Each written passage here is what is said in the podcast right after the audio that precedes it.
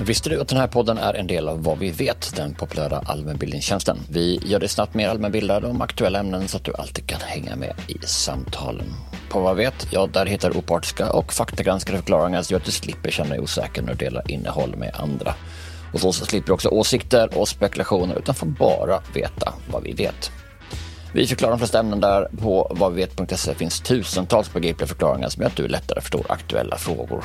Det är också skoj, för där kan du också testa din allmänbildning inom olika ämnen med våra quiz och sen jämföra ditt resultat med genomsnittet. Så om du vill bli mer allmänbildad snabbt, gör som över en halv miljon svenskar som använder sig av Vad vet varje vecka. Och just nu, ja, då har jag fått möjlighet att ge mina lyssnare ett specialerbjudande som innebär att du bara betalar 9 kronor i månaden de första två månaderna. Och då, då får du en basprenumeration med obegränsad tillgång till allt. Och så kan du dessutom dela den prenumerationen med en vän, vilket ju blir ännu mer prisvärt. Journalistik av hög kvalitet som vi gör, ja det kostar förstås pengar. Och det är våra nyfikna, generösa prenumeranter som gör det möjligt för oss att producera den här podden. Och jag skulle därför bli så glad om du ville bli en av dem som stöttar oss. Du gör det så här, du går till vadvet.se per eller anger rabattkoden PER, PER. Vid utcheckning så får du prova på för bara 9 kronor i månaden. Det är alltså vadvet.se per eller rabattkod PER. Tack på förhand. Introducing Wondersuite from Bluehost.com. Website creation is hard, but now with Bluehost, you can answer a few simple questions about your business and get a unique WordPress website or store right away. From there, you can customize your design, colors, and content. And Bluehost automatically helps you get found in search engines like Google and Bing. From step-by-step guidance to suggested plugins, Bluehost makes WordPress wonderful for everyone. Go to bluehost.com/wondersuite. Hey, I'm Ryan Reynolds. At Mint Mobile, we like to do the opposite of what Big Wireless does. They charge you a lot, we charge you a little. So naturally, when they announced they'd be raising their prices due to inflation, we decided to deflate our prices due to not hating you. That's right. We're cutting the price of Mint Unlimited from $30 a month to just $15 a month. Give it a try at mintmobile.com slash switch. $45 upfront for three months plus taxes and fees. Promo rate for new customers for limited time. Unlimited more than 40 gigabytes per month. Slows. Full terms at mintmobile.com.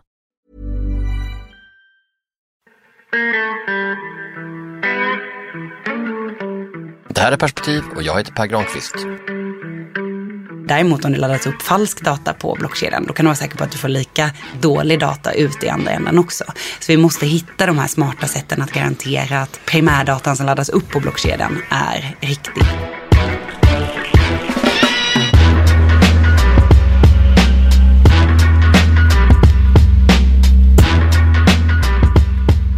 Vad är grejen med blockchain?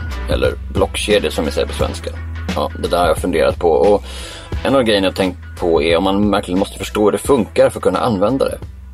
När alla andra pratar om blockchains möjligheter har jag försökt hitta någon som arbetar med det på riktigt. Och den jag hittade och som ska hjälpa oss att ge oss perspektiv på blockkedjor i det här avsnittet är Hanna Skog som är projektledare på Axe Foundation. Stiftelsen är knuten till Axel Jonsson-sfären och beskriver sig själva som en do-thank istället för en think-thank. De gillar alltså att utforska nya områden i praktiken snarare än i teorin. Och allt det här gömmer utifrån filosofin att ett misslyckande bara är ett problem om man inte lärde sig något av dem.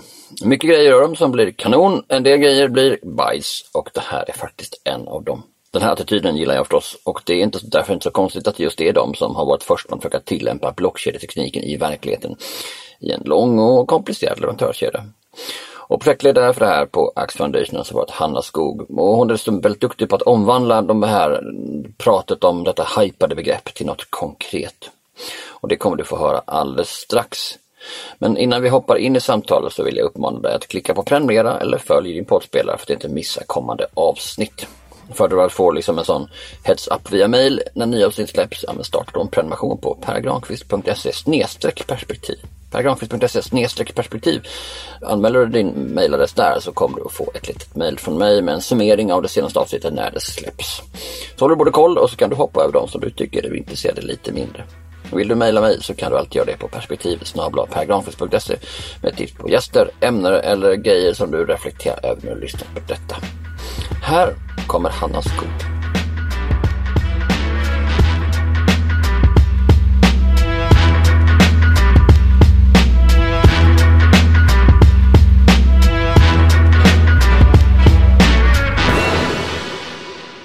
Börja med att fråga, måste man egentligen veta hur blockchains funkar för att kunna prata om dem?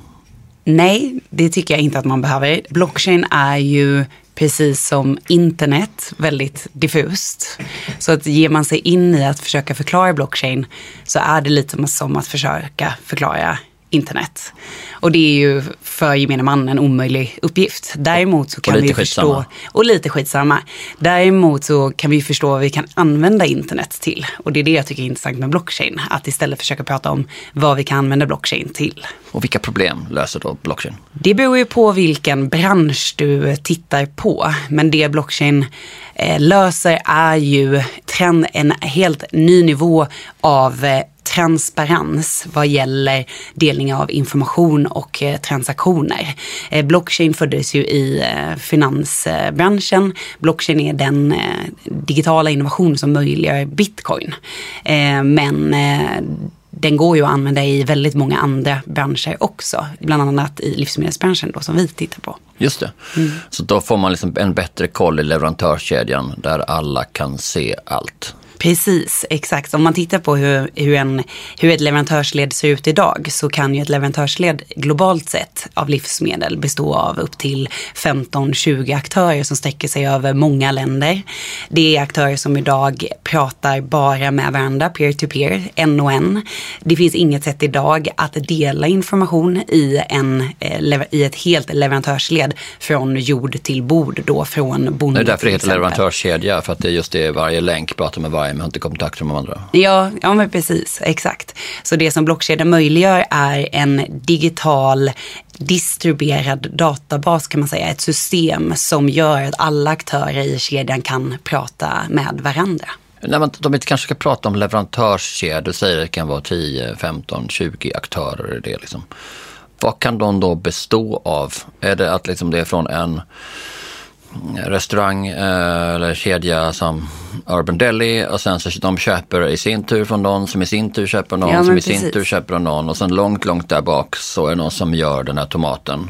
Ja men exakt. Vårt förhållande till vår mat har ju verkligen förändrats på några generationer. Idag har vi ju ingen relation till den maten vi konsumerar på samma sätt som man hade förr när man kanske brukade sin egen jord och odlade sin egen mat eller för den delen köpte maten från närproducerade lokala producenter och bönder. Idag så köper vi mat från absolut hela världen. Och det kan ju vara leverantörsled som består av många mellanled, bara logistiker och importörer. Men sen har du också eh, förädlare och processsteget. Men du har också såklart primärproducenterna, bönderna och handlarna däremellan. Hela vägen upp till eh, handlaren såklart, som är då våra dagligvaruhandlare. Eller foodserviceföretagen som säljer till restaurangerna. Just det. Ja, men det är någonting intressant det där med relationen till maten. Jag är för uppvuxen då på Bjärhalvön så att liksom, Kattvik har ju världens bästa äpplen. Eh, Inte bara Sverige, som världens bästa. Så att liksom, där hör ni Österlen, ni har fel på det. Eh, så att när jag ser i butiken att det finns äpplen från Kattvik så kommer jag alltid ta dem. Ja, ja men Eh, precis. Eller att jag också kan liksom plocka nypon på hösten bakom en busskur.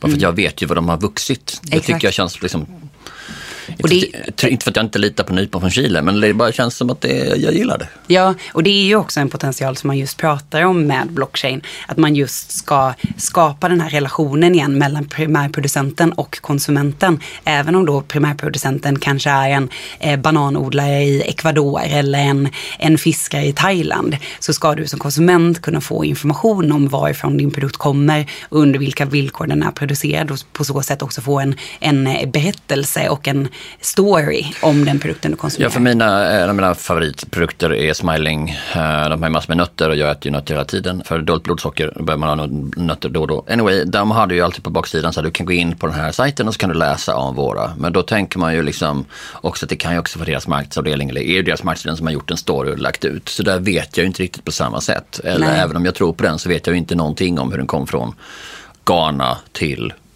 butiken där jag köper det. Nej, nej men precis. Och, Och, och tanken är att du ska kunna se hela vägen. hela vägen, exakt. Så att du, det man kan göra med blockkedjan det är att säkra information på ett digitalt system för varje led som produkten har färdats från då primärproduktionen till slut till att produkten ligger på din tallrik och ska konsumeras. Så att tanken är då att du som konsument ska kunna se hela ledet och se alla stegen i värdekedjan eller då leverantörsledet som produkten har behandlats på något sätt. Och här ska man kanske också säga att liksom, re, alltså, reellt sett är väl ingen riktigt jätteintresserad av att ha koll på om vilken, var det färdades. Men i teorin är det ju bra och det blir ja. framförallt bra för, för de som... Eh... Det kanske inte är ett värde för konsumenten men för eh, handeln till exempel kan det vara jätteintressant att veta till exempel, till exempel ta djurvälfärdsfrågan till exempel, en grisar som transporterats för slakt. Det kan ju vara jätteintressant att veta hur de har haft det längs kedjan då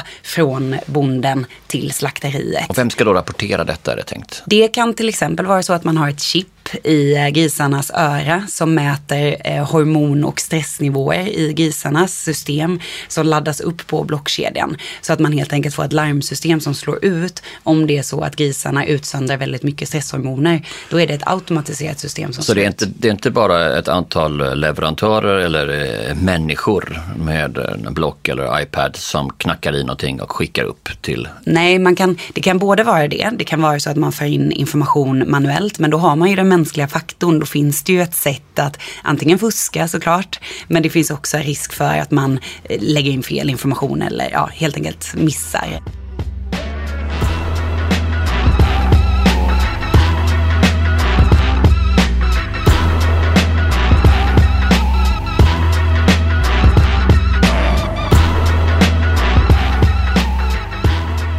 Men det som är intressant med blockkedjan det är att jobba med IoTs, som man säger, Internet of Things, som är då uppkopplade apparater som till exempel eh, sensorer eller chips till exempel, som då kan automatiserat lägga upp information på blockkedjan.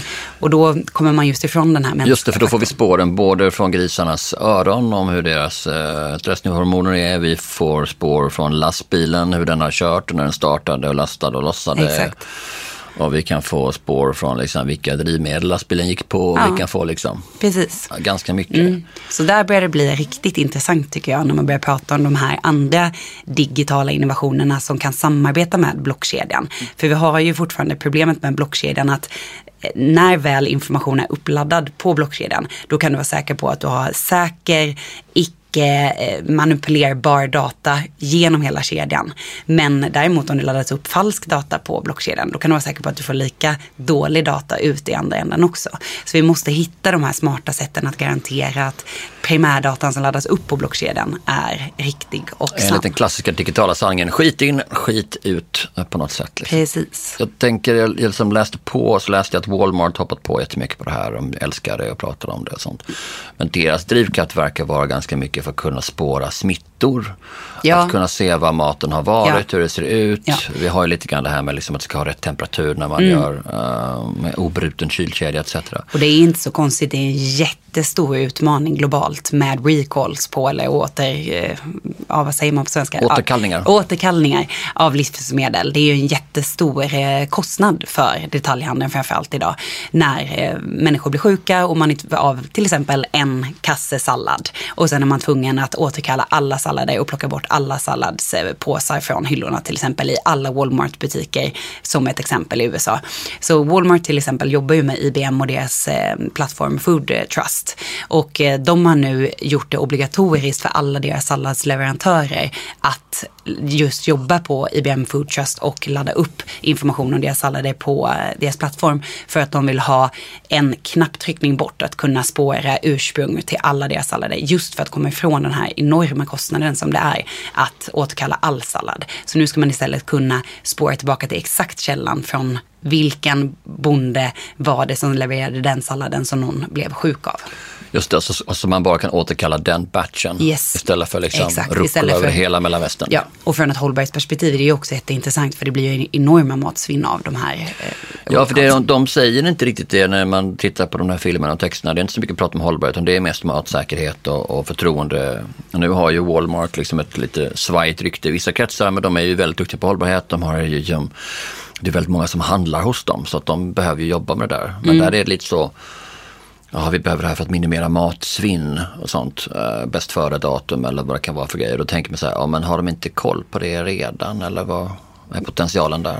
Ja, men det finns ju väldigt mycket potential inom matsvinn, absolut. Där kan man också, det handlar ju också om att hitta matsvinnet i kedjan. För just att du frågade innan om, om vad är intresset med att logga datapunkter mm, från alla aktörer genom hela kedjan. Där är ju till exempel matsvinn intressant. För där kan man ju mäta var matsvinnet uppstår på ett helt annat sätt som, än vad vi gör idag. Vi har ju inte information från alla mellanled idag. Så till exempel att veta exakt var matsvinnet uppstår uppstår. Det kan ju också blockkedjan vara en möjliggörare av genom att vi kan logga den typen av parametrar på en blockkedja.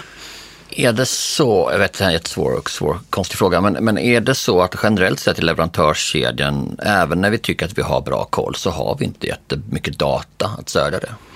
Datan är ju framförallt också manuell idag och inte digitaliserad. Så det är ju en jätteutmaning. Sen så du menar ju... att någon människa har matat in den snarare än att det är saker som har rapporterat grejer automatiskt? Ja, men också att viss affärsuppgörelse och handel idag görs ju eh, manuellt. Man skakar hand, man signerar ett papper. Så det saknas ju information i ett digitalt format.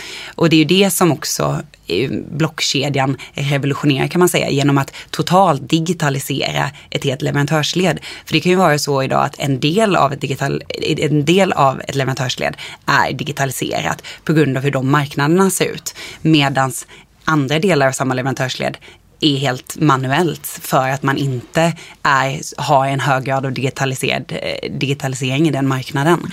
Så ja, det... eller, någon slags typ också, eller någon slags typ av skenbar digitalisering där man laddar upp en pdf som skannats in snarare än att veta exakt när, vem som signar när och hur och var. Liksom. Ja, Ja men visst, så, så är det ju. Och det är ju exempel, idag jobbar vi till exempel med eh, tredjepartscertifieringar och eh, tredjepartsauditörer som ett verktyg för att följa upp på exempelvis hållbarhetsstandarder eh, i produktionen. Och där är vi ju mycket i beroende av den den manuella processen som det innebär att en auditör åker ner och följer upp produktionsvillkor till exempel på en bondgård i sig Ecuador då, bananer igen. Och då, det är ju absolut en, en manuell process att åka ner dit och egentligen ticka i boxar att man uppfyller olika krav i en standard. Så att, att sen lägga den på en blockkedja, det betyder ju inte att processen i sig att följa upp villkoren är digitaliserad. Men däremot kan informationen sen säkerställas att när den auditören laddar upp den, det certifikatet på en blockkedja, då kan vi vara säkra på att ingen kan manipulera det certifikatet senare i kedjan. Det är det som är värdet av blockkedjan. Att då när till exempel en svensk dagligvaruhandlare kan plocka ner det verifikatet eller det certifikatet, då kan man vara säker på att det är samma som den här auditören laddade upp och att ingen har förfalskat och förfinat resultatet exempelvis.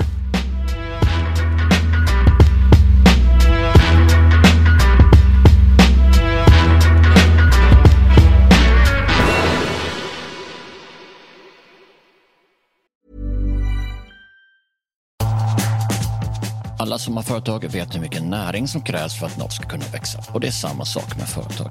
Kapital är den näring som behövs för att din firma ska kunna växa sig större. Almi ger näring till svenska företag genom att erbjuda finansiering i form av lån, riskkapital och affärsutveckling till små och medelstora företag. Och det är just kombinationen som är det viktiga, både pengar och råd. Och som gör att Almi skiljer sig från bankerna. Så om du behöver näring, hör av dig till Almi. De finns över hela Sverige och har kloka rådgivare nära dig som både förstår din bransch och din region. Gå in på almi.se ta steget för att läsa mer. Almi.se ta steget alltså.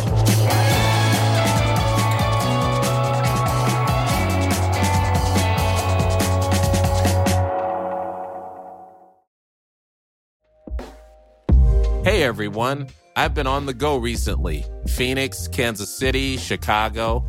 If you're like me and have a home but aren't always at home, you have an Airbnb. Hosting your home or a spare room is a very practical side hustle. If you live in a big game town, you can Airbnb your place for fans to stay in. Your home might be worth more than you think. Find out how much at airbnb.com/slash host. Introducing Wondersuite from Bluehost.com. Website creation is hard, but now with Bluehost, you can answer a few simple questions about your business and get a unique WordPress website or store right away. From there, you can customize your design, colors, and content. And Bluehost automatically helps you get found in search engines like Google and Bing. From step-by-step guidance to suggested plugins, Bluehost makes WordPress wonderful for everyone. Go to bluehost.com/wondersuite. Låt oss gå tillbaka i tiden och titta vad som egentligen drivit på utvecklingen. Eh, du var ju inne på det lite grann, men det är, det är matosäkerhet, det är att vi inte riktigt litar på företag, det är många av de här sakerna som, som vill spela in. Tittar man historiskt sett så litade vi väldigt mycket på företag som vilka institutioner som helst i samhället långt in på 60 och 70-talet. Mm. Men efter de här stora miljöskandalerna, efter hur man kan se att företag helt aktivt ville manipulera för att sänka kostnaderna och var ute och ljög och hade sig så började man ifrågasätta och sen dess har egentligen de här skandalerna aldrig slutat. Mm. Så man kan titta på det som ett perspektiv att fram till 1970 så tänker vi att om vi inte hör någonting från företag så gör de säkert bra grejer. Eh, men idag, om vi inte hör någonting, om inte de kommenterar någonting så misstänker vi dem för att inte göra bra saker.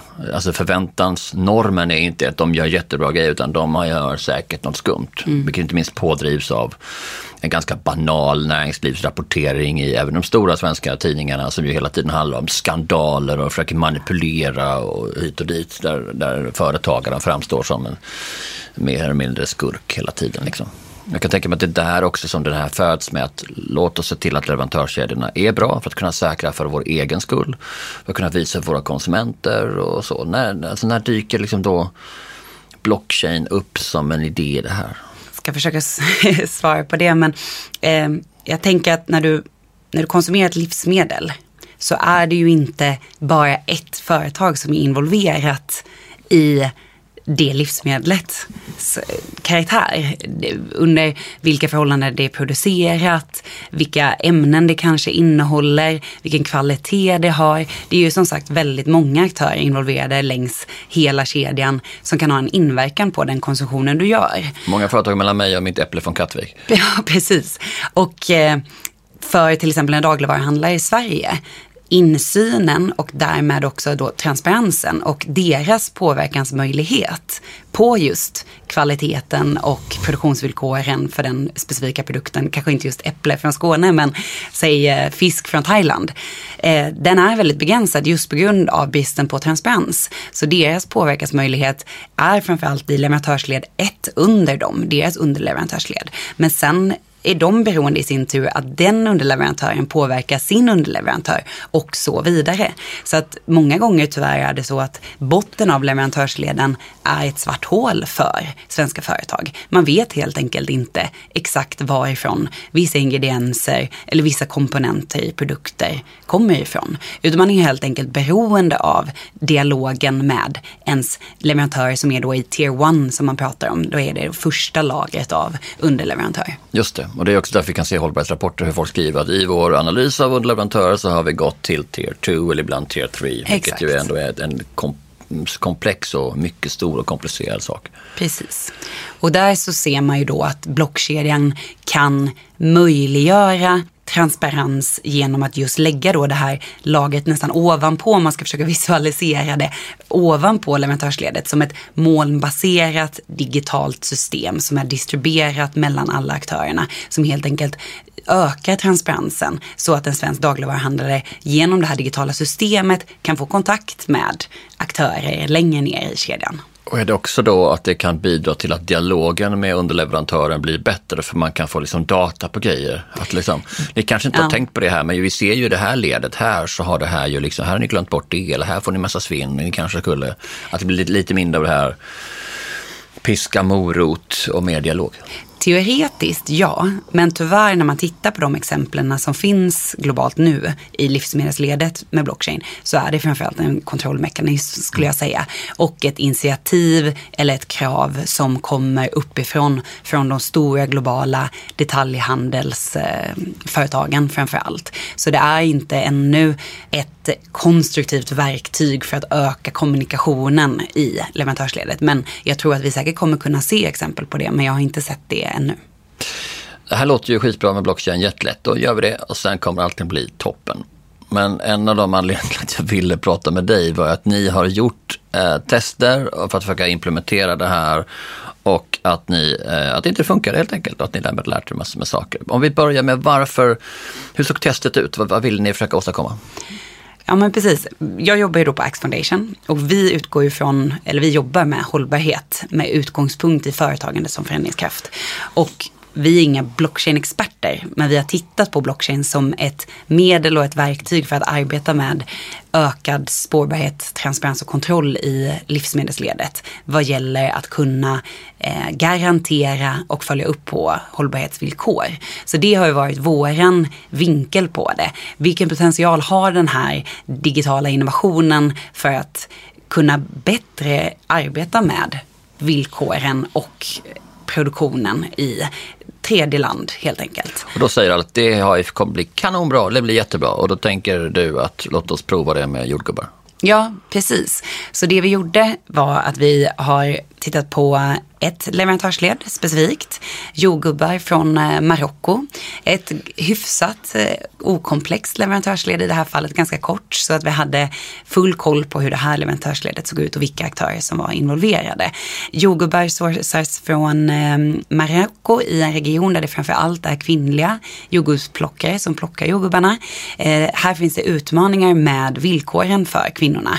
Både vad gäller arbetstid, att man har fått eh, riktiga kontrakt, att man har tillgång till rätt sociala förmåner, att man får rätt eh, betalt och så vidare. Det finns vissa sociala helt enkelt utmaningar i, de här, eh, i den här produktionen.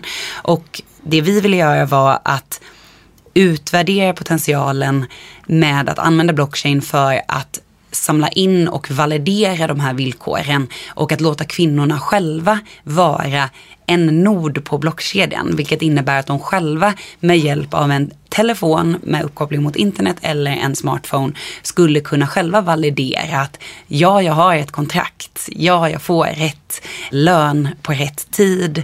Jag jobbar inte för mycket. Jag har rätt arbetstid och så vidare. Så det var vår hypotes. Ja. ja, exakt. Och hur gick det då? det gick kanske inte riktigt som eh, planerat. Eh, det gjorde det inte. Vi var nere på två stycken fältstudier i eh, våras i Marocko. Vi träffade både leverantören, vi jobbade tillsammans med en svensk dagligvaruhandlare och vi träffade deras leverantör på plats nere i Marocko och sen träffade vi också bönder då som är kontrakterade till den här leverantören och som då förser den svenska dagligvaruhandeln med frysta jordgubbar i slutändan då som konsumeras av oss svenska eh, konsumenter. Och eh, erfarenheterna därifrån har gjort oss mycket mer ödmjuka inför vad det innebär att implementera blockkedja som en teknik i de här kontexterna som är väldigt komplexa och där jag också vill säga att jordbrukssektorn globalt, det är småskaliga bönder många gånger med kniven mot strupen. Det är liksom, ska jag ha mat på bordet? Eh, till mina barn imorgon.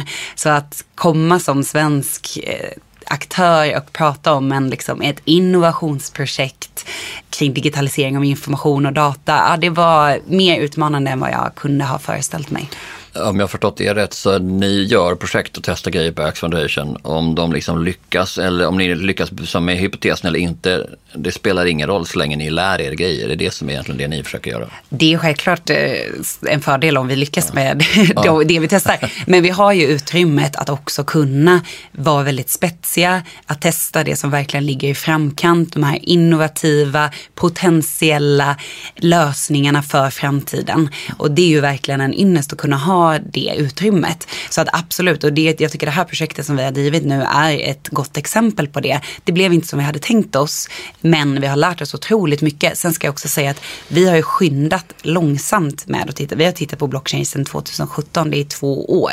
Och vi har alltid, eller från start, drivit det här initiativet brett med många representanter från livsmedelsbranschen i Sverige. Med just syftet att lära långsamt tillsammans. För det här är en väldigt omogen omogen teknik i livsmedelsbranschen. Man utvärderar fortfarande potentialen. Det finns de som fortfarande är men är det du försöker säga att det är inte så många som gör saker än, utan det är fortfarande rätt mycket snack och att folk verkar, oh, wow. Ja, ja men absolut. Och kanske särskilt när det kommer till de frågorna vi tittar på med då hållbarhetsdimensionen. Hur kan man jobba med blockchain och hållbarhet i produktion? Vi ser vissa goda exempel, absolut, men det är ju precis som du var inne på innan, mest fortfarande fokuserat kring återkall av livsmedel, livsmedelsfusk, att stärka spårbarheten generellt av, av produkter. Och det ska man inte underskatta värdet i.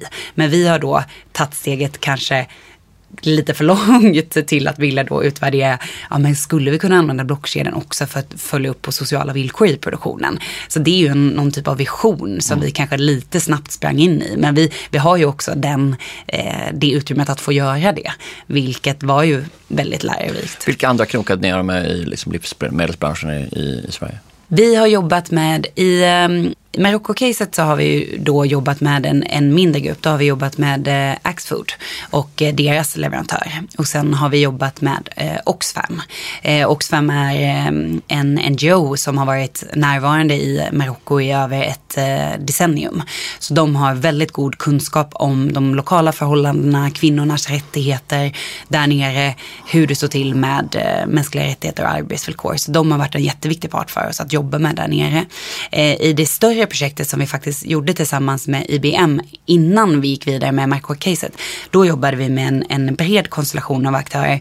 Då jobbade vi bland annat med eh, MSC, vi jobbade med eh, RISE, vi jobbade med eh, Orkla, Coca-Cola, eh, Martin och Servera, eh, vilka ska jag nämna mer? Ja, Axfood var med där också. Ja, men då hade vi ett, ett, ett gäng, eh, Absolut Company var med. Eh, var, och de var ju med för att de var väldigt angelägna om om att lära sig mer. För alla de här företagen sitter på leverantörsled och sitter på samma utmaningar.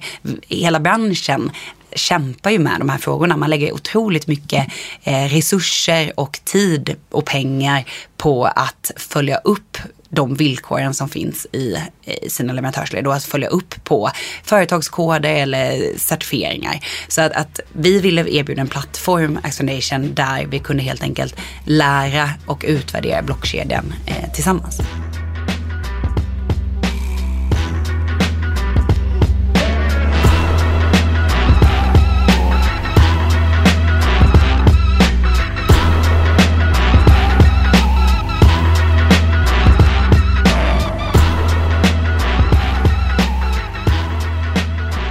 Om man kan titta på de lärdomarna ni gör och liksom spalta upp dem lite grann. Vi pratar ju då, alltså du var redan inne på det, alltså den mänskliga faktorn här. Alltså hur, eh, det är ju som du säger ett system som ska användas av människor och integreras i existerande system. Alltså hur säkrar man, går det ens att säkra den mänskliga faktorn här? Jag tror aldrig att man kommer komma bort helt från den mänskliga faktorn. Det får vi väl verkligen hoppas nästan. Vi jobbar ju fortfarande med människor. Mm. Så att jag tror att det är omöjligt att jobba med blockkedjan utan att också jobba med andra kapacitetshöjande insatser som handlar om relationer och tillit genom att mötas som människor. Precis som vilket, det vet man, alla har ju erfarenhet av att man har ett nytt system på jobbet mm. och så ska man börja jobba i det och så känner man bara suck. Alla hatar liksom. det. Alla hatar det. Och det är ju ingen skillnad mot det här egentligen. Det är ju ett nytt system. Sen är det ett, ett, en digital innovation, det är ett system som rent tekniskt fungerar väldigt annorlunda. Men för en människa i produktionen så är det ju ett till system som man ska rapportera i. Och därför så tycker jag att det är väldigt viktigt att prata om den mänskliga faktorn som en avgörande, fakt ja, som en avgörande faktor för att lyckas med en blockkedjeimplementation. Så systemet är bra, det kommer att finnas i framtiden, kanon på alla sätt. Men det är som vilka system som helst, att man, det är jobbigt att börja ja. med och, ja, och lära precis. sig ett sätt att hantera det. För det funkar så annorlunda än mycket annat. Precis, och inte bara att det ska funka med människorna som ska jobba med systemet, det ska ju också funka med existerande system. För det får man ju också komma ihåg att olika parter i ett leverantörsled eller olika delar av kedjan jobbar ju i olika system. Det är ju inte så att alla jobbar i samma. Så man måste också ha en lösning som kan prata med alla dessa olika system. Istället behöver hundra olika API som ska snacka med varandra. Exakt. Men alltså när vi pratar ju ofta om det här med blockkedjan som skapar tillit. Men det låter ju på dig som att det snarare är så att blockkedjan förutsätter tillit. Ja, verkligen. Man pratar ju precis som trust, det är liksom, googlar du på blockchain och trust, då får du liksom miljoner träffar. Det är det alla pratar om. Att med blockkedjan så kan vi äntligen skapa tillit och överbygga den bristen på tillit som finns i internationella leverantörsled idag. Det är, leverantörsleden har ju otroligt mycket med varandra och man har väldigt mycket med varandra att göra. Man är beroende av varandra som affärspartner, men det finns ingen tillit. Och så pratar man om att blockkedjan ska lösa detta. Men jag vill påstå att det kommer krävas tillit för att implementera en blockkedja just för att blockkedjan kräver en helt ny nivå av samarbete, eh, att man ska ifrån sig väldigt känslig och mycket data på ett sätt som man inte gjort tidigare och det kräver överenskommelser och konsensus kring vilken data som ska eh, ges ifrån och hur systemet ska fungera. Så att, den typen av samarbete kräver ju tillit och det var ju en erfarenhet från Marocko också, att vi upplevde i den kontexten att där saknades den tilliten mellan aktörerna i leverantörsledet. Så för oss var det väldigt svårt att komma vidare i dialogerna med bland annat bönderna i Marocko för att de kände sig ja, men lite tveksamma till vad är det egentligen, vad är det det här ska ge och kan jag lita på de parter som är involverade? Så det var absolut en hämmande faktor för oss. För det är också, då är det tillbaka till gamla vanliga, man tror att liksom teknik ska lösa allting och inte minst här i Sverige. Liksom. Men med ny teknik så kommer allting bli mycket, mycket bättre. Exakt. Liksom allting från att fotbollsmatcher kommer bli bättre med min nya TV till vad det nu kan vara. Det ja, finns men... alltid en sån ständig övertro på. Med Twitter, då kommer vi kunna driva politiska engagemang. Med liksom, det finns alltid den där grejen. Men det här, om vi inte ska få bonden i Marocko att komma på, då måste det finnas något slags tydligt värde eller incitament. Ja, absolut. Och, och vad är hans incitament? Bonden i Marockos incitament är att få bättre betalt för sina jordgubbar. Självklart. Ja. Eh, vill man, eh, ska han engagera sig i ännu ett projekt som handlar om att leverera eh, data och uppföljning till sina kunder så är det klart att han vill få en, vad säger man, return on investment. Ja. eh, och när vi pratar med bönderna nere i Marocko, de upplever att senaste åren det är allt mer krav. Allt mer standarder, allt mer certifieringar, allt mer företagsspecifika koder som de förväntas följa upp och rapportera på. Sen får man komma ihåg att det finns ingen standardisering eller harmonisering kring detta globalt tyvärr.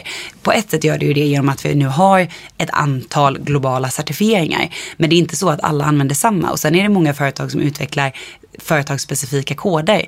Detta gör ju att bönderna behöver sitta med olika rapporteringar till olika marknader och till olika kunder. Det här tar väldigt mycket tid från bönder som redan sitter tajt med sina företag. Så det de upplever är ju ett ständigt ökat krav på eh, uppföljning, vilket ökar deras administrativa börda. Och förhoppningsvis, det blockchain utlovar, det är ju en lösning även på detta. Att till slut ska allting kunna automatiseras enkelt på en blockkedja. Men där vi befinner oss nu så upplever ju de att ja, men det här är ju en en sak till. De ser ju inte den här eh, den, liksom, den här distribuerade funktionen. De, det upp, de upplevde inte det mervärdet. Så för dem var det ju absolut, vi hänger på, får vi bättre betalt. Mm.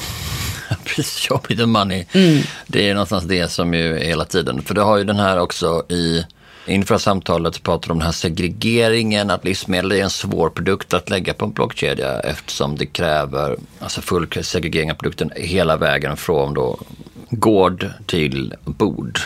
Ja, precis. Exakt. Om man tar till exempel en eh, dyr handväska. Den är, tycker jag, ett ganska bra exempel på där man kan använda blockkedjan redan idag för spårbarhet. För den är så pass dyr att det motiverar att till exempel sätta in en sensor i handväskan som gör att man kan följa den ganska enkelt hela vägen från produktionen till konsumtionen av konsumenten. Och faktiskt även efter första användningen när den sen går vidare till nästa konsument. Det finns ju ett högt värde på andrahandsmarknaden och handväskor. Men om du tittar på en jordgubbe till exempel. En jordgubbe har ju ett väldigt litet värde för varje enskild jordgubbe. Det är omöjligt att sätta till exempel en sensor på en jordgubbe. Vilket ni förstår naturligt. Eh, plus att jordgubbarna processerar sig också längs vägen. Man, de, man segregerar dem på eh, kvalitet och sen går vissa till färskmarknaden, vissa jordgubbar går till frysmarknaden, vissa går till sylt, vissa går till tårtor och så vidare. Så att kunna garantera att exakt den jordgubben som du stoppar in i munnen Per, den är producerad på exakt den här gården under exakt de här villkoren. Kanske en omöjlig uppgift. Mm, just det. Ja, det, där är ju, det är ju liksom komplexiteten i det um, som är det när folk pratar om hur bra någonting är, det är då man liksom som journalist som tänker, ja men vad är, är det här egentligen, hur funkar det? Världen är aldrig riktigt så enkel som den ofta beskrivs. Nej, Precis. Och det är klart att man kan följa på då en batchnivå. Men då har du igen mänskliga faktorn. Hur ska du då undvika att till exempel någon byter ut produkter i den batchen? Det också där, vi får också inte heller tänka, alltså det får inte bli det här att liksom det goda blir det bästas fiende eller vad man nu säger. Alltså att man tänker att den här lösningen är inte helt optimal och färdig, alltså kan vi inte köra med den Nej, alls. Hur, hur, hur, ser det ut? Ska man kunna förvänta sig att ja, men halva kedjan kan man köra blockchain, men när vi kommer till Marocko så ska vi skita i det. Precis, jag tror att man kanske får börja med, även om man är ivrig och vill hitta lösningarna på de här svårare, tuffare frågorna som där vi också ser störst värde med blockkedjan så tror jag att man kanske behöver backa bandet lite och börja med de enklare applikationerna som till exempel full, full spårbarhet till exempel. Eller ja, men kylkedjor som vi pratade om innan, att man kan följa till exempel ja, men en fisk till exempel. Att man, att man kan se kylkedjan genom hela leverantörsledet. Att fisken har varit fryst hela vägen. Det har inte brutits någonstans så fisken kan inte ha blivit dålig till exempel. Den här lite enklare typen av eh, applikationer av blockkedjan i livsmedelsledet kanske man ska börja med för att låta tekniken testas och utvärderas så. Just det, den är, det är först i skarpt läge som man kan se den. Liksom. Men eh, finns det några som kör med det här i skarpt läge? För det är ju som sagt fortfarande väldigt mycket på snacknivå. Ja men det gör det absolut. Bland annat eh, eh, Walmart ja. gör ju det. Även Carrefour. Jag skulle säga de stora globala livsmedels eh, Men då har de en, handlarna. två produkter eh, typ de testar? De har Nej, inte rullat tror, ut överallt? Jag tror att Walmart har ungefär 120 produkter var senaste siffran jag hörde. Men det är ett tag sedan nu. Jag vågar inte riktigt svara på det. Men om du tänker det är så, sortiment. Så de kör det på allvar? De kör det på allvar, men utifrån deras storlek så är det ju fortfarande i pilotskala skulle jag säga. Just det. Sen är det, då är det liksom någonstans den tidsdimensionen här då, att tala om det. Att det verkar ju ta lång tid. Ska man kanske titta på blockkedjan och det, hur den ska implementeras på samma sätt som man tittar på hur digitaliseringen skedde. Nu lever ju vi ju såklart med att det är ju digitalt allting, mm. som i, i livsmedelsbranschen inte minst. Men att liksom man tror att det ska gå fort. Men det krävs tid för det är så många olika led i det. På samma sätt som att det gick från att vi köpte typ random grejer från random leverantör i Asien och sen så var vi jättenöjda med det. Sen behövde vi bara kolla med någon och sen alltså, samma typ av utveckling av leverantörsledet är ju det är ju sent 1900-tal man börjar tänka, ja, spelar någon roll hur skorna är tillverkade? Ja, då får vi ta och kolla upp det och sen så tar det ju liksom fem år innan mm. liksom man går från första skandalen till att man börjar styra upp och ha en uppförandekod och sen går det ytterligare tre år innan man tillsätter någon som ska jobba med den. Och mm. Det kanske är en annan tidslinje vi ska tänka på än att det här ska gå så här snabbt. Ja men kanske och jag tror att det kommer se olika ut i olika branscher. Mm. Hur snabbt man eh, implementerar blockchain. Där det är mer eller mindre komplext. Jag tror att det är kanske mest komplex i de, ja men till exempel som i livsmedelsindustrin. Där du ska just, det vi försöker göra med blockkedjan i livsmedelsindustrin, det är ju att göra en digital tvilling på blockkedjan av en fysisk produkt. Och de attributen och de de värdena som vi har gett den produkten försöker vi att göra en tvilling av digitalt. Och det säger sig självt att det är ju väldigt svårt. Mm. Om man jämför det med eh, finanssektorn då till exempel, där man använder blockchain för kryptovalutor till exempel. Där har du en digital Allt var asset redan. redan. Ja. Så att där är ju allting digitalt redan. Så du, du har inte den här översättningen mellan den fysiska världen och den digitala världen. Så jag Just tror att ja, värdet finns jag tror att vi kommer se den här exponentiella eh, utvecklingen av blockkedjan framför allt i de redan digitaliserade branscherna. Där, där vi helt enkelt använder blockkedjan för transaktioner av digitala valutor eller digitala andra värden eller tillgångar. Så där tror jag att värdet kommer vara som störst på kort sikt. Just det, ja men det, det har du rätt i. Jag tänkte på det så, för det är ju i grund och botten eh, digitala transaktioner Oh, man lägger in det, det är som att lägga in grejerna i ett Excel-ark. Ja. Alltså det enda man behöver göra är bara slå på granska så att alla kan se allas kommentarer. Och sen Exakt. var man färdig. Ja, precis. Det är lite annat än Mm. att försöka åka till Marocko och prata med folk som är, på, är på, kanske på, på gränsen till fattigdom. Ja. Har ni nästa steg som ni har tänkt efter det här projektet? Att fortsätta med det eller är liksom var det här test nu och så får ni återkomma om något år? Vad är liksom, hur fortsätter det nu utifrån lärdomarna ni har tagit? Planen var ju att göra en pilot med blockkedjan i Marocko nästa år för att testa tekniken där. Och det kommer vi inte göra utifrån erfarenheterna. Så det var ju den initiala planen. Så just nu är vi i en fas av att eh, få ner på papper också våra lärdomar från Marocko för att kunna dela med oss av dem. Eh, Axe Foundation jobbar mycket med att sprida kunskapen och erfarenheterna från de projekten vi driver. Så det är ju den kortsiktiga planen. Det är att, ja, men, som vi gör nu, sitta här och prata om det för att öka kunskapen och eh, medvetenheten om de här frågorna till andra. Eh, sen får vi nog lite se faktiskt hur vi eh, går vidare. Jag tror fortfarande på blockkedjan men jag eh, är mycket mer ödmjuk inför komplexiteten att jobba med det i eh, livsmedelsledet. Men är det på något sätt lättare om man skulle göra det i Sverige? Om man skulle försöka köra blockchain på de här äpplena från Kattvik? Absolut, det tror jag. Jag tror att det är lättare, men frågan är vad värdet av det är det. Och är det då värt att göra en blockkedja på äpplen från Skåne? Ja, men jag tänker samtidigt att det liksom kan ju vara att vi hamnar i en fälla att ja, men bara för att det är svenskt så är det så himla mycket bättre. Då kan man på något sätt liksom verifiera det.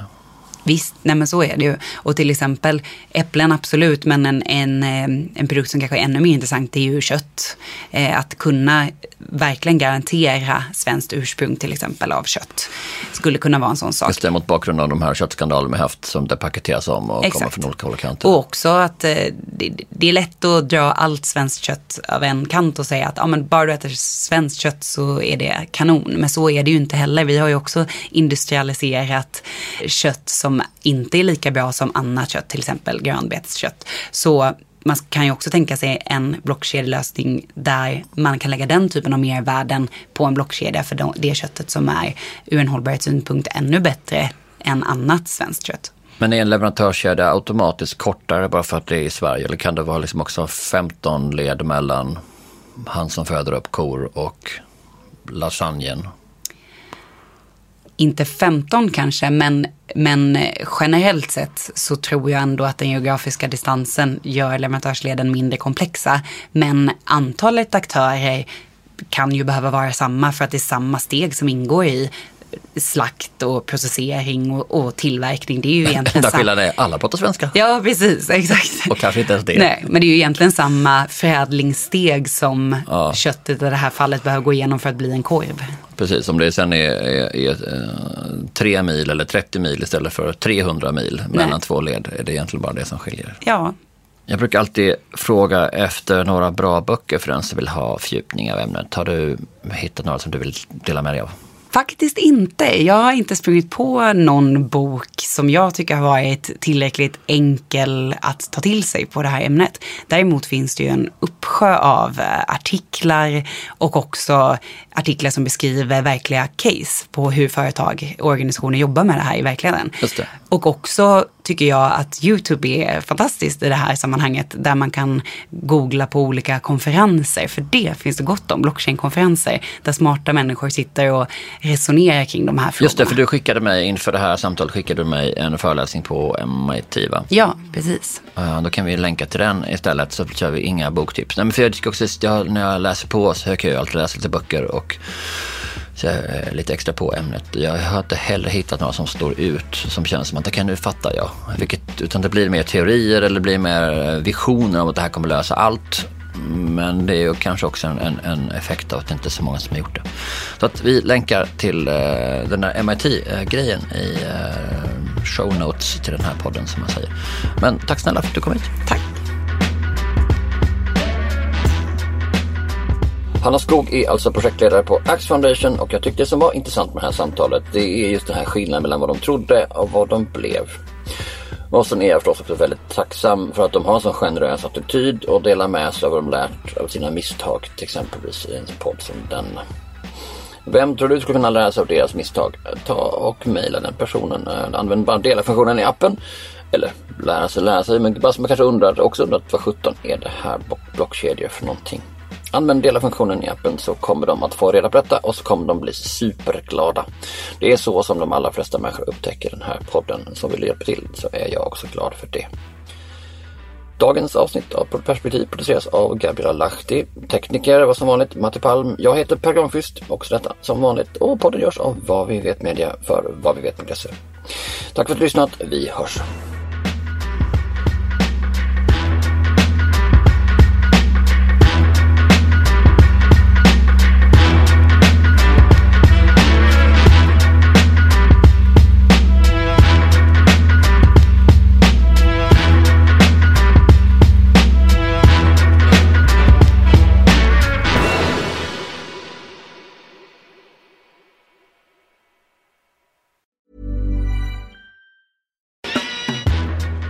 Visste du att den här podden är en del av Vad vi vet, den populära allmänbildningstjänsten? Vi gör dig snabbt mer allmänbildad om aktuella ämnen så att du alltid kan hänga med i samtalen.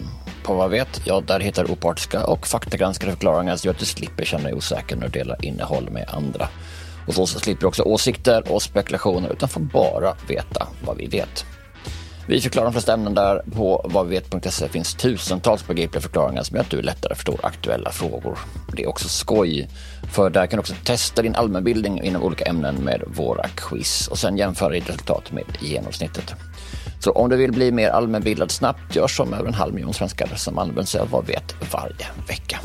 Och just nu, ja, då har jag fått möjlighet att ge mina lyssnare ett specialerbjudande som innebär att du bara betalar 9 kronor i månaden de första två månaderna. Och då, då får du en basprenumeration med obegränsad tillgång till allt. Och så kan du dessutom dela den prenumerationen med en vän, vilket ju blir ännu mer prisvärt.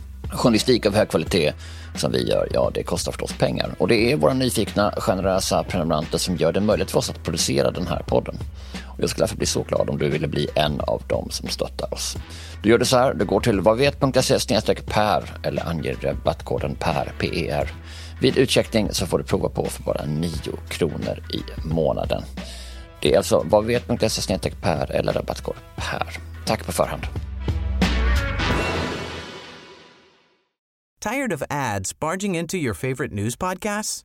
Good news. Ad-free listening is available on Amazon Music for all the music plus top podcasts included with your Prime membership. Stay up to date on everything newsworthy by downloading the Amazon Music app for free or go to amazon.com slash news ad free. That's amazon.com slash news ad free to catch up on the latest episodes without the ads. Swimsuit? Check. Sunscreen? Check. Phone charger? Check.